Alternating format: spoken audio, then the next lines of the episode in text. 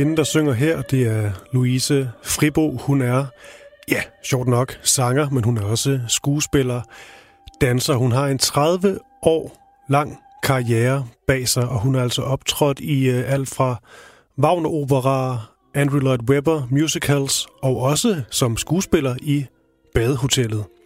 Louise Fribo, hun er dagens gæst her i Klør 5, som i dag beværtes af mig. Jeg hedder Christoffer Lind. Anders Christiansen, han er på barsel.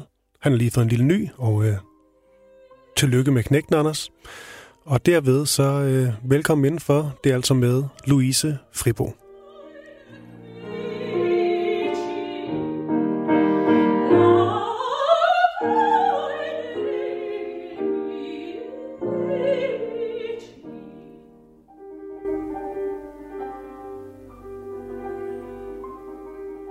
Velkommen til, Louise. Du er... Jeg fik sagt i min introduktion, du er... Ja, du er selvfølgelig sangerinde, men du er også skuespiller, danser, alt muligt forskelligt. Hvordan definerer du egentlig dig selv? Mm, som regel definerer jeg mig som operasanger. Ja. Ja, som regel som operasanger, fordi det er det, jeg bruger mest tid på at perfektionere. Det er der, jeg har tjent de fleste af mine penge. Mm-hmm. øhm, men ja, indimellem, så er jeg med i et eller andet badehotellet, eller mm. øh, forbrydelsen, eller du ved, så har jeg sådan nogle små roller, eller klassefesten, ja. eller sådan noget, ikke, som, som skuespiller. Jeg fik netop nævnt øh, badehotellet i min introduktion, Ja. og det er ikke et ondt om badehotellet, men det er jo bare, der er bare langt operasanger til badehotellet på en eller anden måde. Jamen, det er jo det. Men det er Ja. ja. fordi, de, så skal de bruge en sangerinde, der kan Mm. spille, der kan sige replikker. Og fordi Ja. ja. jeg også er uddannet skuespiller fra langt tid, før mm. jeg begyndte at lave opera, så har jeg ligesom kunne kombinere det og faktisk ja, lave en, en rolle. Små roller jo, det er jo Mm. ikke store hovedroller, vel, men altså sådan en rolle om året eller et eller andet, hvor jeg ja. er kondiløber eller sangerinde eller whatever. Jeg var urolog sidst i klassefesten, Mm. hvor jeg spillede jeg læge. Og hvad med det, nu kan det godt være, det er mine fordomme, der skinner igennem her, men det her med musicals kontra opera. Altså, må man godt begge ting? Jeg har en idé om, at operaen, det er den, det er den fine del, og, og musicals, det, det er lidt mere for, Altså, ja, for den brede befolkning. Ja, men du, du har helt klart fat i noget, fordi da jeg begyndte at gøre begge dele, så var der jo også lidt sådan, Ja. nej, altså, kan du nu det, og hvorfor? Hvordan? Der var sådan lidt en stemning af, hvordan tillader hun sig, Mm. hende som kommer fra musicals. Men så, så fik jeg alligevel lidt tilladelse, fordi jeg gik gennem operaskolen. Så jeg gik jo den slagende vej og tog en uddannelse på tre år på det kongelige Mm. teater, og ligesom var en dygtig soldat, ikke? altså ligesom gjorde det, jeg skulle. Øhm, og så røg jeg lynhurtigt til udlandet og lavede opera i udlandet, og jeg har faktisk kun lavet to produktioner i Danmark, og resten lavede jeg i udlandet. Og derfor så blev det sådan lidt, når Mm. der var ikke, det var ikke længere et spørgsmål, om jeg måtte, det, var, det gjorde jeg bare, fordi det var det, jeg var, det er det, jeg er. Og så har jeg brugt 15 år på at perfektionere den forskel, altså til, så jeg kender forskellen på opera og på musical, fordi teknisk set er det jo to vidt forskellige måder at synge på. Mm. Og når du laver musical, så spiller du seks gange om ugen. Altså det slider. Det kan slide rigtig meget, ikke? Det kan du ikke gøre som operasanger. Der spiller du en til to gange om ugen, max tre, ikke? Hvis Mm. det er op og... Hvad med i forhold til øh, den her skuespildel? Hvordan er forskellen på at skulle øh, agere i en musical eller i en, i, en, i en opera, når det kommer sådan til skuespilleriet? Jamen, den er også stor, fordi hvis, og jeg faktisk så underviser i det, jeg laver kurser i det, og underviser også mine egne elever i det, øh, og efterhånden fået ret mange elever, fordi de alle sammen kommer og spørger om det der. Mm. Jamen, nu skal de synge den her svære, svære arie, og der er en masse hurtige toner, altså koloraturer for eksempel, ikke? Eller der er noget teknisk utroligt svært, og hvis de så stå, samtidig står og er super rasende i en eller anden scene, og de skal spille det, så er det svært at forene det tekniske perfekte Mm. med det ægte skuespil. Fordi hvis du står virkelig ægte og rasende, eller ægte fortvivlet, ægte ked af det, ægte et eller andet, ikke? Mm. Og så skal synge noget teknisk perfekt, hvor du skal have super kontrol over dig selv. De to ting går simpelthen imod hinanden. Ikke? Ja. Så der har jeg øh, udviklet sådan en, en teknik, eller hvad man skal sige, til at du stadig kan spille. Altså det der med, at du skal ikke være rasende, når du er på scenen. Fordi hvis du går ind og være rasende hver dag, seks gange om ugen i fire måneder, så, så slider du dig virkelig ned som sanger. Ikke? Fordi så kommer du til at synge med det der ægte raseri på alle tonerne. Ja. Og det slider ekstremt, så går du simpelthen så stemmen i stykker. Ikke? Mm. Og specielt i operaverdenen, operaverden, der er det ekstra svært, fordi der er meget mere tryk på stemmen, og der er ikke nogen mikrofon, der er ikke noget, der hjælper dig, så det er fuld krop, og det er fuld stemme hele tiden. Mm. Og hvis du så står oven i det, og skal være fortvivlet og rasende og sådan noget der, så slider du dig også for hurtigt ned. Ikke? Ja. Så, så tricket er ligesom, at, at ligesom Ian McKellen siger, You know, when I play Gandalf, I pretend to be Gandalf. altså, jeg lader som om, og så skal du blive så ufattelig dygtig til at lade som om, at, at publikum får en oplevelse, at det er ægte. Ikke? Ja. Det er det, der er kunsten. For mig, i hvert fald. Ikke? Så du kan ikke tage method acting med på, på en scene og synge. Det, det er ikke så godt. Det er godt at vide. Og Så der ved ikke- du det. Så er der ikke vide til, til, til næste gang. til når du går på scenen. Eller kigger på nogen på scenen. Ja. Øh, og Louise, vi skal, vi skal nok også lidt ind på det her med scenen, fordi nu kan vi rent faktisk til at komme tilbage til at se folk på, på, på en scene igen, og øh, hvordan du har det med det. Men jeg synes, vi skal, fordi konceptet her er jo meget simpelt i Klør 5, kvæg navnet. Fem spørgsmål Mm. til en gæst, meget simpelt. Og øh, vi starter det bare var ved det første spørgsmål, nummer et. Og det lyder så simpelt her. Hvilken kunstner skal du ofte forsvare, at du kan lide? Og det, er meget, det var meget nemt svar. Øh, det er nemlig David Bowie.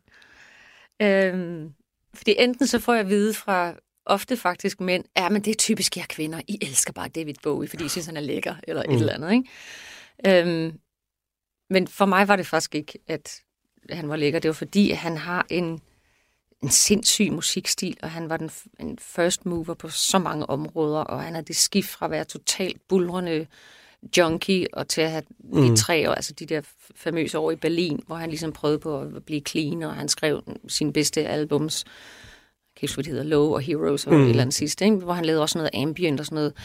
Altså han er bare en, en multikunstner, ikke? Han er bare sådan en type, der er virkelig rundt i alle kroner, og er inspireret af Gustav Holst, altså klassisk, stor klassisk mm. musik.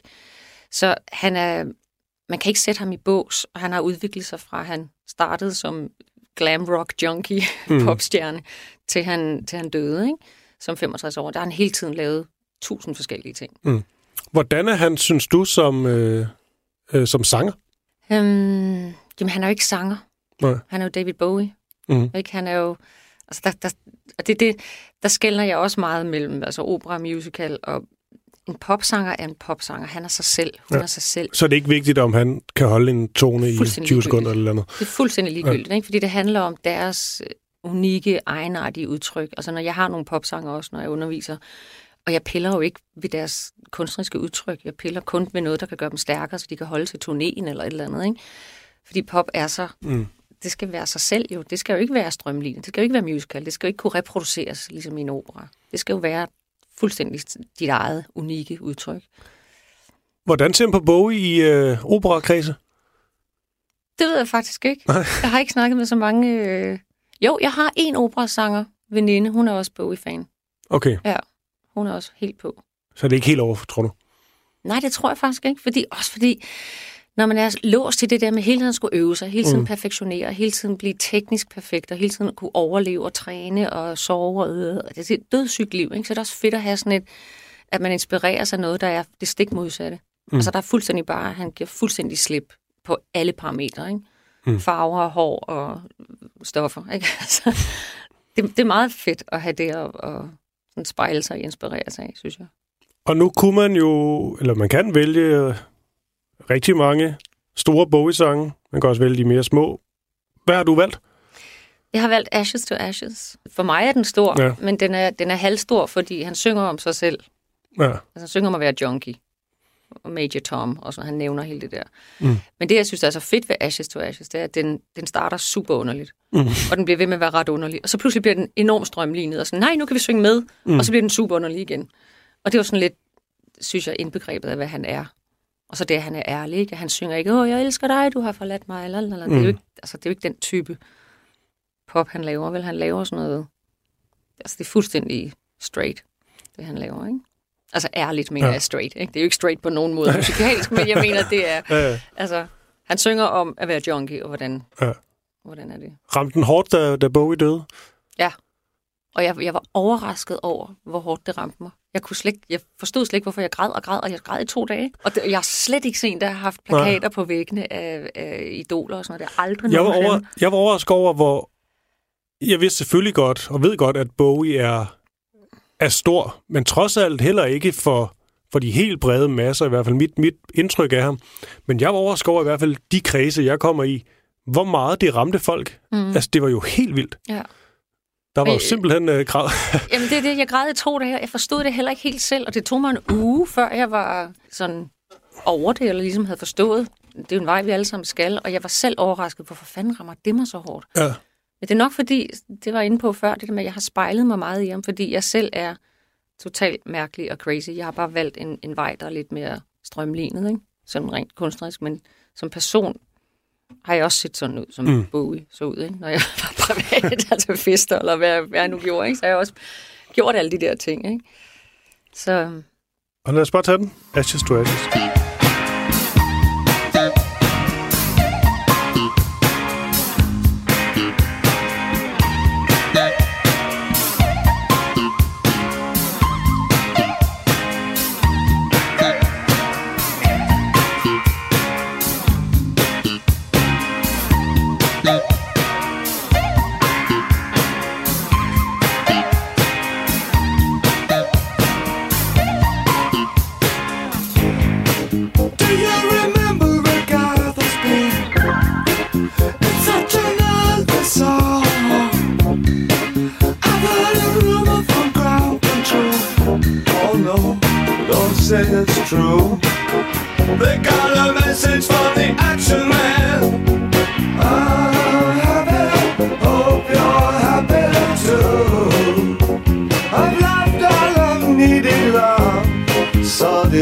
Tales following. The shrieking of nothing is killing just pictures of chap girls and synthesis. And I, ain't got no money and I ain't got no hands.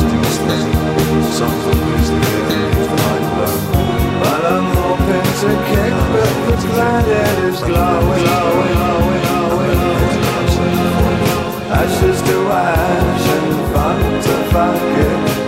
We know Major Tom's a junkie, strung out in heaven's high.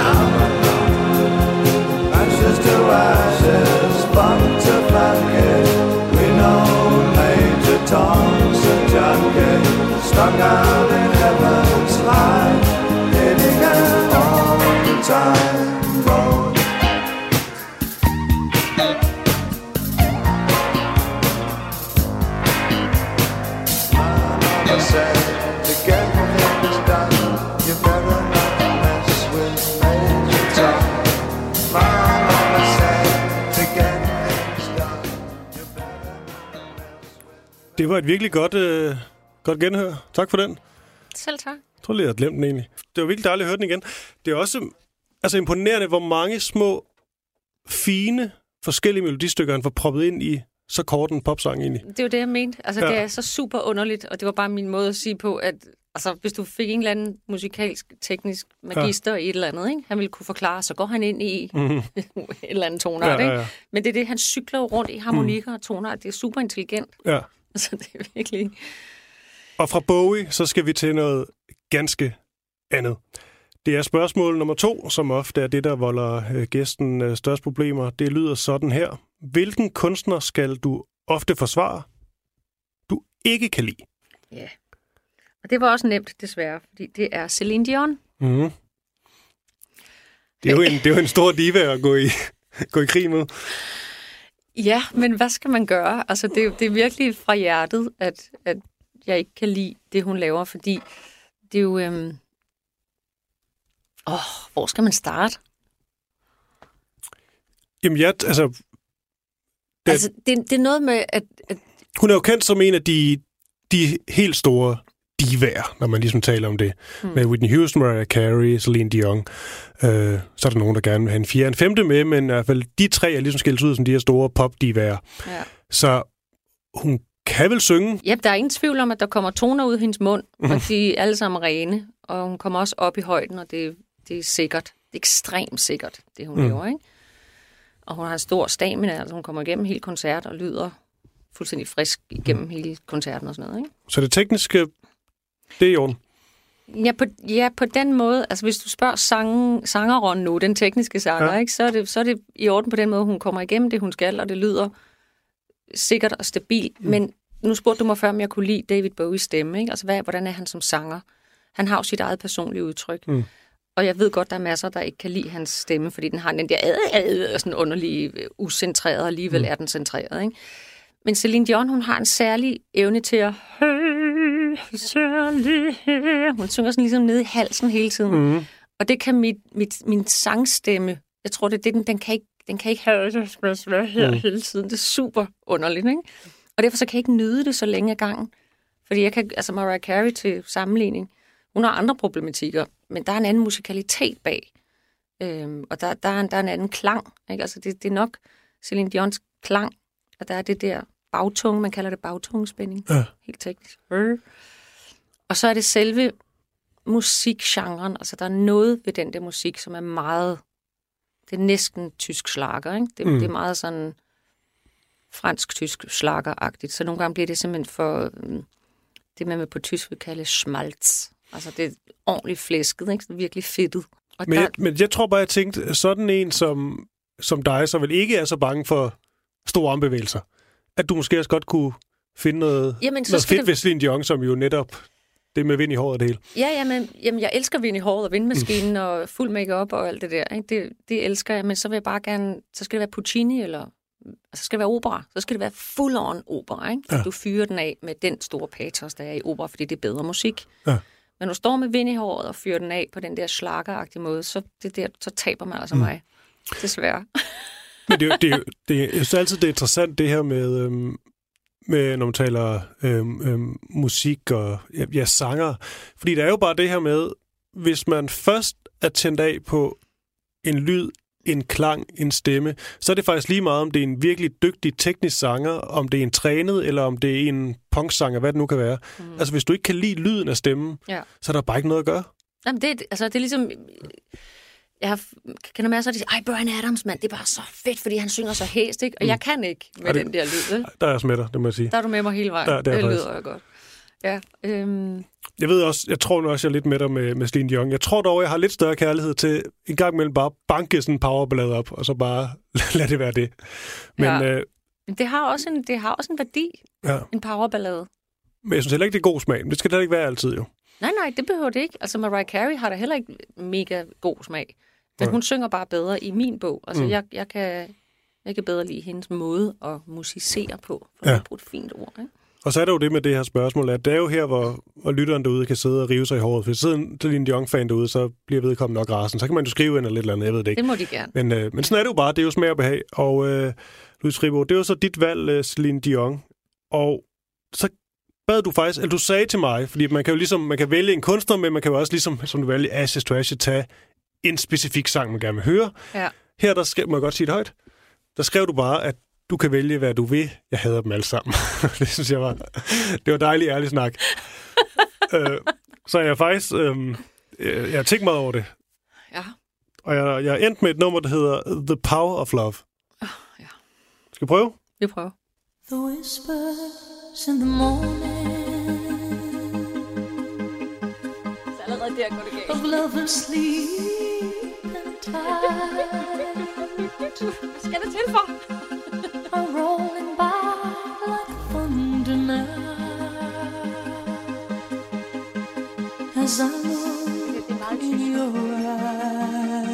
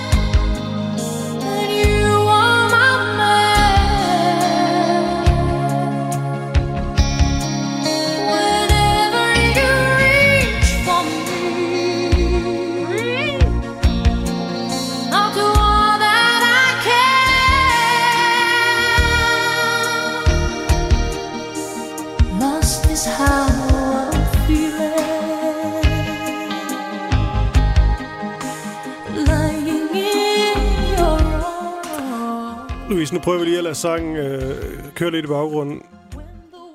Øh, du sad og, og sagde lidt forskellige ting til mig under her det første minuts tid. Ting, som, som du ikke brød dig så meget om. Og du sagde allerede, at det kom tidligt. Det er også bare noget med selve lyden af, af musikken. Ja, altså i starten, ikke? Der er sådan Ja. en du dit du dit du Ja. der kører. Det lyder meget tysk. Det lyder mm. sådan lidt tysk. Det var inde på lidt slakkeragtigt. Ja. Ja. Altså du nævnte selv, det er sådan lidt Hansi Hinterseer-agtigt. Mm. Ikke? Det er sådan en super underlig blanding Mm. for min smag og i mit univers. Ikke? Og det bliver på en eller anden måde bliver det distanceret. Altså det skaber distance til mig som lytter, synes jeg. Ikke? Jeg kan ikke mærke hende. Hvad med hendes... Øh... Altså det, jeg bemærker, efter det, du lige har sagt, det er den, måde, den der... Jeg ved ikke, hvad den lyd hedder, men... Det, jeg kalder det en bagtungespænding. Ja. Altså sådan ja.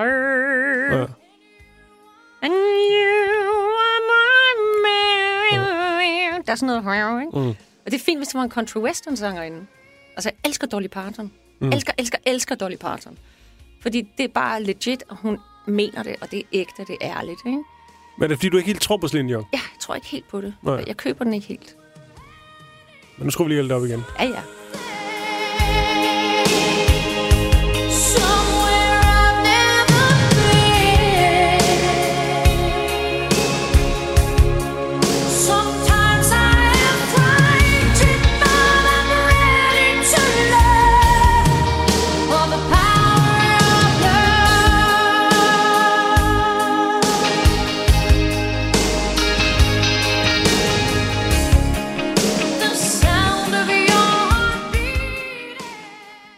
det var altså øh, Celine Dion her, og øh, Louise Ripper, nu går vi videre til, øh, til spørgsmål nummer, nummer tre, og øh, det bliver nok ikke helt så...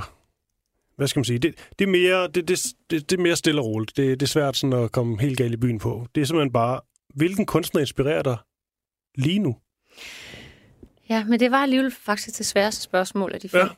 Fordi så jeg skrev til dig Bach, Mozart og Haydn, men Mm. så opdagede jeg, måske skal de være nulevende. Det behøver det ikke. Og det behøver de ikke. Simpelthen bare det, du hører, og der, okay. Der inspirerer lige nu. Så, øh, Ja, men lige nu så står jeg og øver en rigtig masse Svaret er godkendt. Ja. Ja, okay, super, tak. Jeg synes, det var lidt overlegent svar på en eller anden måde. Det kunne jeg godt lide. Ja, Men lige smider de tre i puljen. Jamen, det er dem. Altså, jeg træner hver dag til Bach og til Haydn, og så synger jeg Mozart. Det har jeg gjort i halvt år nu. Mm. Så det er virkelig det, der er, der er min, der er min, øh, der er min mad. Min musikalske mad lige for tiden. Og altså, jeg, jeg har så taget et nummer med... Øh, et nummer med Bak. Det lyder som om det er en anden... En anden Ham der Bach. Ham der Bak lige har skrevet en god tre minutters popsang. Jeg vil faktisk lige vende tilbage til, du sagde der. der var, jeg har en eller anden forbindelse, når man træner, så forbinder det med noget, noget der så går lidt, lidt hurtigere, med lidt mere puls. Jamen, jeg har også, indtil for et halvt år siden, der brugte jeg altid popmusik. Ja. Jeg brugte Jung, for eksempel, det er det nye band, det Mm. danske band. Jeg var lige ved at skrive Jung, som Ja. inspirerede, fordi de inspirerede mig faktisk lige, da de kom frem. Mm. Så de der, blitz, baby, blitz, Mm. baby, please. Og hele den der, det der udtryk, super ærligt, ikke? Mm. Der har du den igen. Ærligt, du kan mærke dem. De har selv skrevet helt lortet. Det er fedt. Mm. Ja. Øhm, så det, det brugte jeg meget før, jeg gik over til, eller tilbage til, mm. til Bach. Øhm, men så bruger jeg bare nogle af hans trompetting og noget, altså, noget, hvor det går stærkt. Mm. Hvor der er sådan en puls på. Ikke? For det, det er rigtigt, hvad du siger. Der skal noget puls på. Der skal noget op i tempo. Det er, det er en klassiker, jeg, jeg, jeg har valgt, øh, valgt frem her. Og jeg, jeg har lidt valgt af en grund. Det er, fordi jeg har en, en, lille, en lille ekstra snak, jeg føler, vi skal have omkring det her. Okay. Fordi det er faktisk mit... Hvis jeg har et problem med med den klassiske musik, så er det ikke den klassiske, den klassiske musiks skyld. Så er det, at nogle af de her store kompositioner, de bliver simpelthen så skambrugt i film og tv-serier og reklamer, at Ja, man, det er der sidder mange af de store, hvis du går på Spotify og søger på Ja. nogle af de helt tunge drenge, Ja. hvis man tager de, mest, de fem mest afspillede, jeg kan næsten ikke høre det.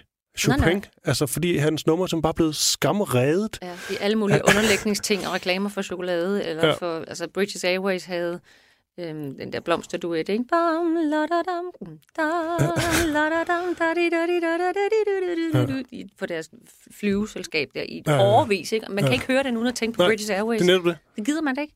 Det er så godt. Fordi nu hører vi øh, det, det her meget smukke stykke musik, og så skal man så se, om man, kan, man bare kan høre det for, øh, for musikken, og ikke tænke på alt muligt andet, eksempelvis nogle reklamefilm. Jeg synes, det er svært. Vi prøver.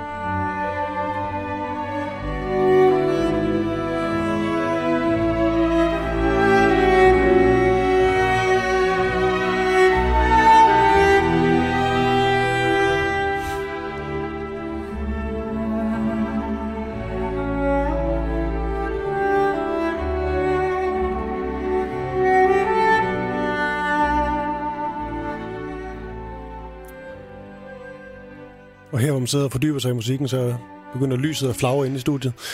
Skal vi ikke bare gå hjem nu? altså, skal vi Men- bare slutte for i dag? Men, øh, men øh, lyset gik ikke her i, øh, i studiet. Skæring fik vi hørt noget, noget bak, og, øh, og denne her er on G-string, altså det er jo bare at søge. Altså der er en hel Wikipedia-side bare med øh, steder, hvor i, den er blevet brugt i populærkulturen. Alt fra Avengers Infinity War til biblioteksscenen i filmen Seven, i filmen Batman vs. Bane. Så er der også nogle cigarreklamer, hvor den også er blevet brugt, og alt det her. Ja. Jeg synes faktisk, det er et rigtigt problem for klassisk Men, ja, men jeg må erkende, at jeg, jeg, fik, jeg oplevede faktisk musikken. Det gør jeg faktisk også. Og så det, Svøm at, øh, at jeg kunne høre kunstneren trække vejret, og kunne høre, altså der er jo ofte i klassisk musik, Ja, du hører dem vende blade og sådan nogle ting. Mm. Ikke? Det er super fedt, apropos det med nærvær, mm. og man kan virkelig høre, folk er til stede i det, de ja. laver. Ikke? Og det er også meget ofte, at klassisk musik er indspillet jo fuldstændig live. Det er jo ikke noget lavkage, der er ikke noget, der er klippet. Ofte.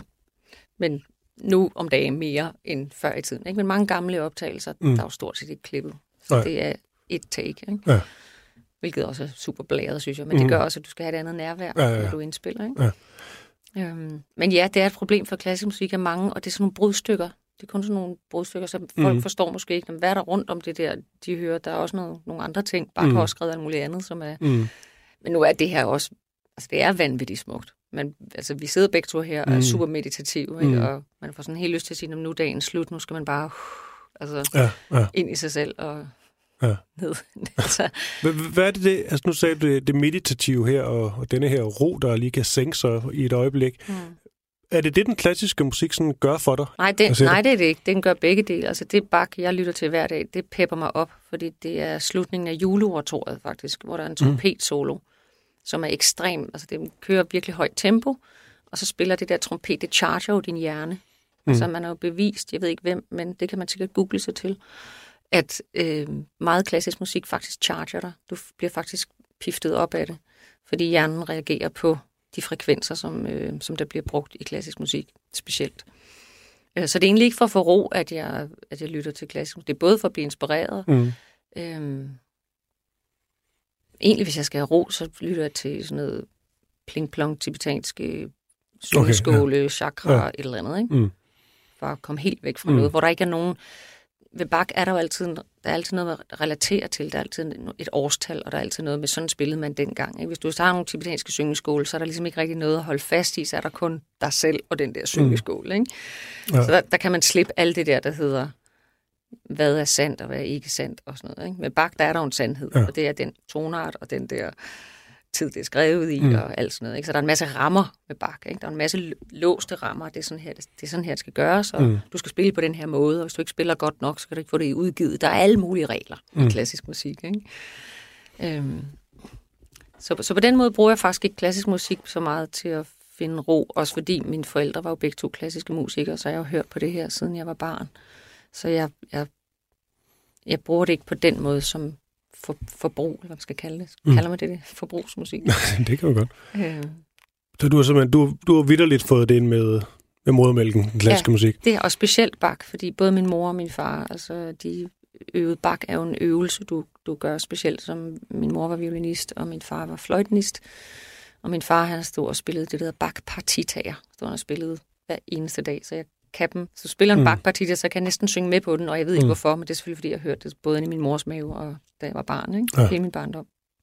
Du lytter til øh, Klør 5. Mit navn det er Christoffer Lind. Overfor mig sidder Louise Fribo. Og Louise, vi er jo lige inde på øh, det her spørgsmål nummer tre ud af disse fem spørgsmål, vi skal ind på. Og, og det er jo så musik, der inspirerer dig lige nu. Jeg så vil egentlig også gerne høre mere til din situation lige nu. Også måske, hvad du skal inspireres til. Altså, er der noget, nogle helt særlige ting legnet op? Fordi nu kan man jo rent faktisk gå ind i en sal og sidde med afstand og alt det der og sådan noget. Men man kan jo faktisk købe en billet og så sidde og kigge på nogen op på en, på en scene, så der sker lidt. Altså, der sker utrolig lidt i mit liv på den måde, at alt blev lagt ned. Øhm, Ja. Og jeg, som vi startede med at snakke om, så er jeg meget på vej ind i opera igen. Jeg har været en del af musical og en del af sådan noget med mine egne koncerter. Øhm, og der har jeg været meget i udlandet. Jeg har været på operan i Graz i Østrig, jeg har været på operan i Wien, på Wiener Staatsoper. Jeg har vundet en konkurrence i Wien, som jeg skulle ned og synge. Den kunne jeg så ikke komme ned og synge, fordi der var corona. Jeg skulle synge for på nogle store operahuse. Jeg skulle til Hamburg og forskellige steder i marts. Der. Jeg stod var helt klar som en hest i en boks. Shit, Så blev alt bare lukket ned. så det kunne ikke være værre. Det kunne næsten ikke være værre, vel? Men så tænkte jeg, okay, så, øh, så bruger jeg tiden på at øve mig endnu mere. Mm. Altså, så gik jeg bare i øvelejr og indstuderede en ny rolle. Øhm, Lucia di Lammermort hedder den. Og det er sådan noget, jeg aldrig har lavet før. Donizetti, sådan noget italiensk, stort patos, kæmpe store følelser og opera. Ikke? Mm. Altså, Mozart er jo mere metrisk, det er mere sådan bak-agtigt. Øhm, så det er det, jeg, jeg skal øh, til Wien på et eller andet tidspunkt og synge den her koncert.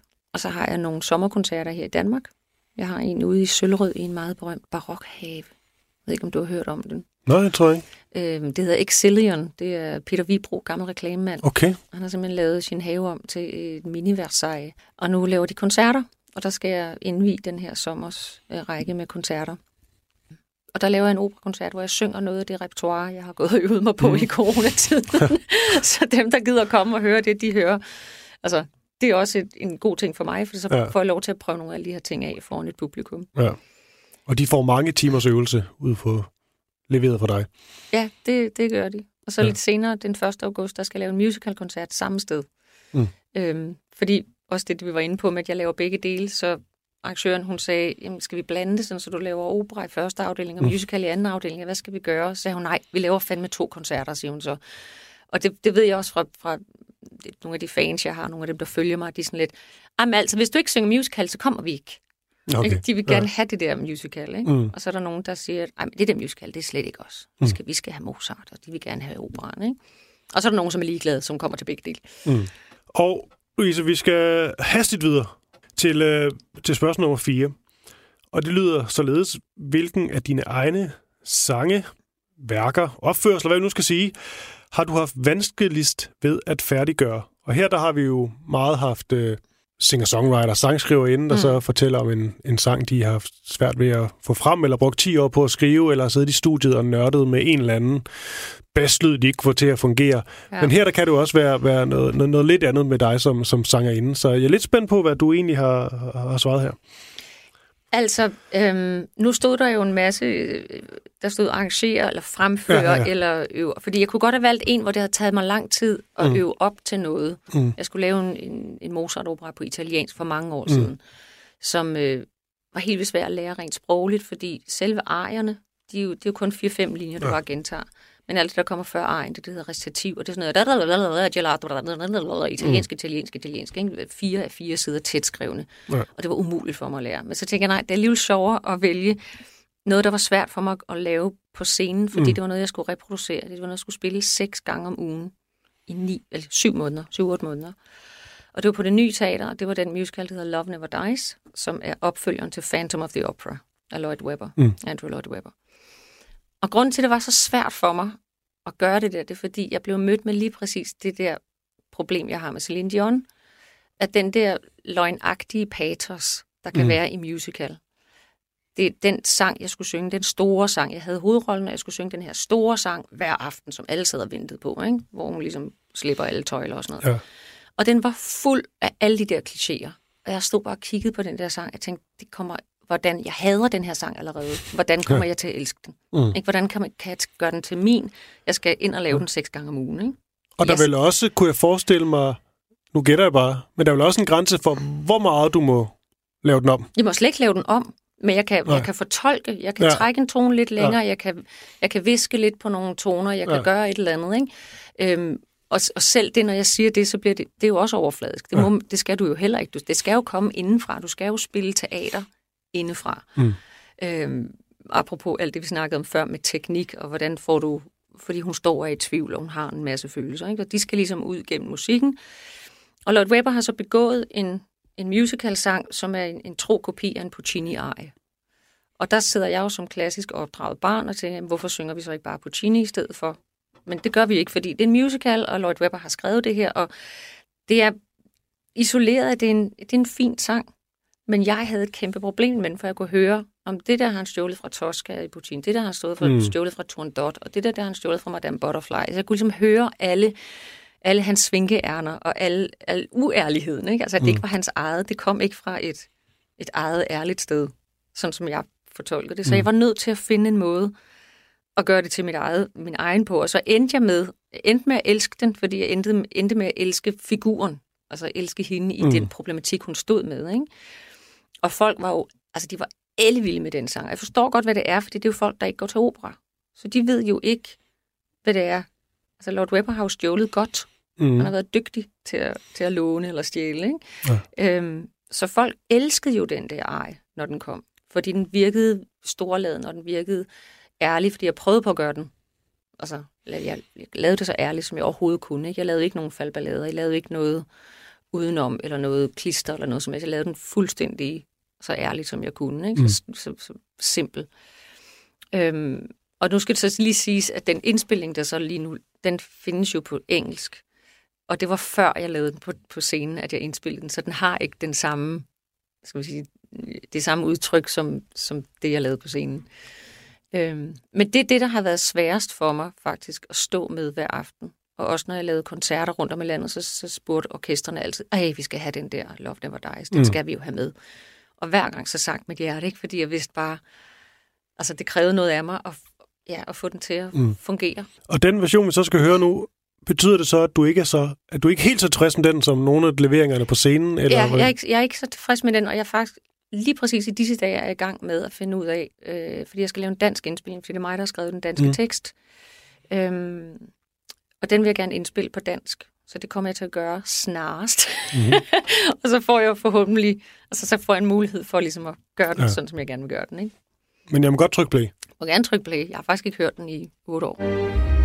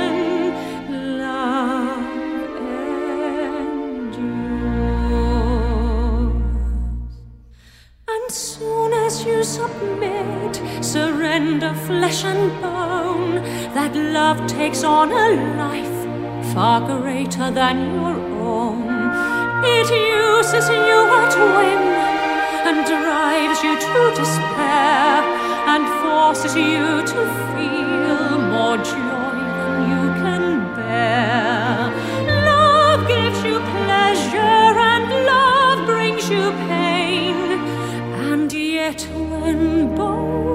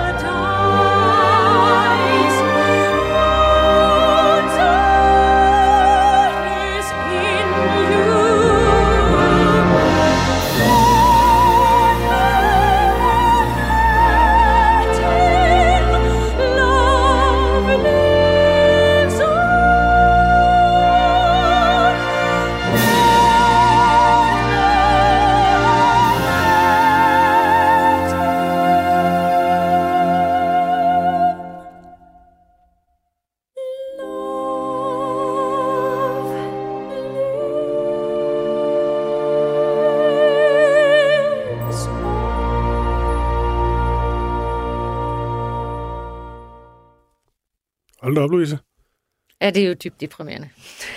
Deprimerende? ja, det var rimelig vildt sunget det sidste der. Jeg er godt nok, der var op, at trykke på. Jeg, jeg, jeg, jeg synes bare, det er helt sindssygt, du kan ramme lige der sidste tone der. Men det er selvfølgelig det, du gør. Ja, ja det er det, jeg har...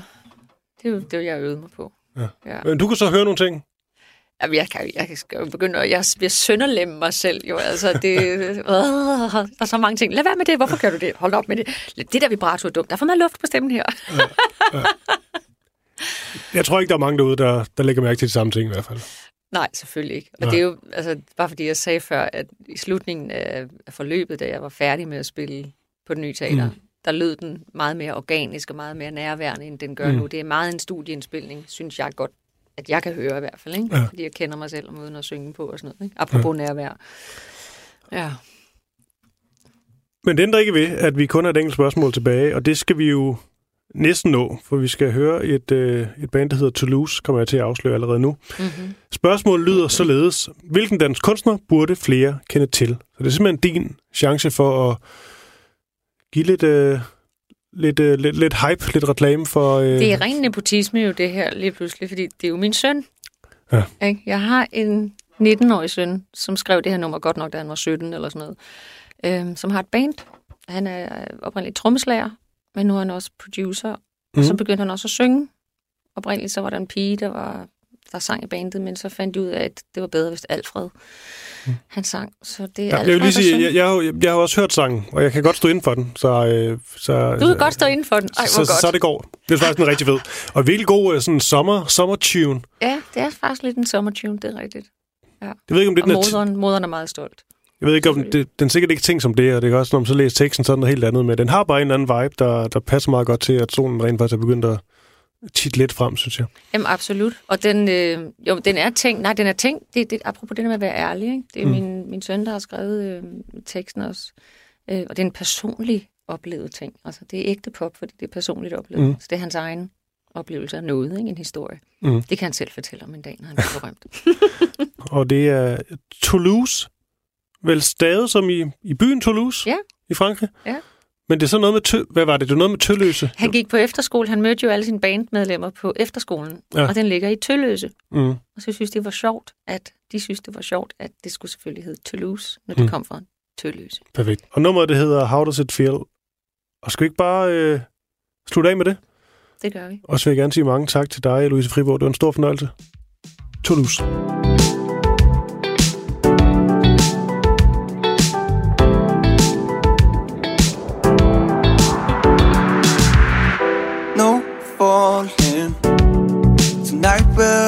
Something, to something. Girl, you know me, and you know I ask too often, way too often. How does it feel to be the one, making me feel that I'm the one? You got us hotter than the sun, even that night. We got the perfect circumstances the other rooms are dancing. Free from wristwatch problematics all night. To me, it feels like ooh, ooh, ooh, ooh, ooh, feels like ooh, ooh, ooh, ooh, ooh, ooh. How does it feel to you? Ooh, ooh, ooh, ooh, ooh, feels like ooh, ooh, ooh, ooh, ooh, ooh. No talking only eye communication, secret conversation. So coming when I'm with you, I'm on vacation, on vacation. How does it feel to be the one, making me feel that I'm the one? You got us hotter than the sun, even that night. We got the perfect circumstances, friends in the other rooms are dancing from wristwatch problematics all night. To me, it feels like ooh, ooh, ooh, ooh, ooh, feels like ooh, ooh, ooh, ooh, ooh. How does it feel to you? Ooh, ooh, ooh, ooh, ooh, feels like ooh, ooh, ooh, ooh, ooh. come for me, girl. Let me be your company, your company, girl. Just the thought of you, it comforts me. Feel the love philosophy all this time, and I'm still asking, how does it feel to be the one? Making me feel that I'm the one. You got us hotter than the sun tonight. To me, it feels like ooh, ooh, ooh, ooh, ooh, ooh. feels like ooh, ooh, ooh. How does it feel to you? Ooh, ooh, ooh, feels like ooh, ooh, ooh, ooh, ooh.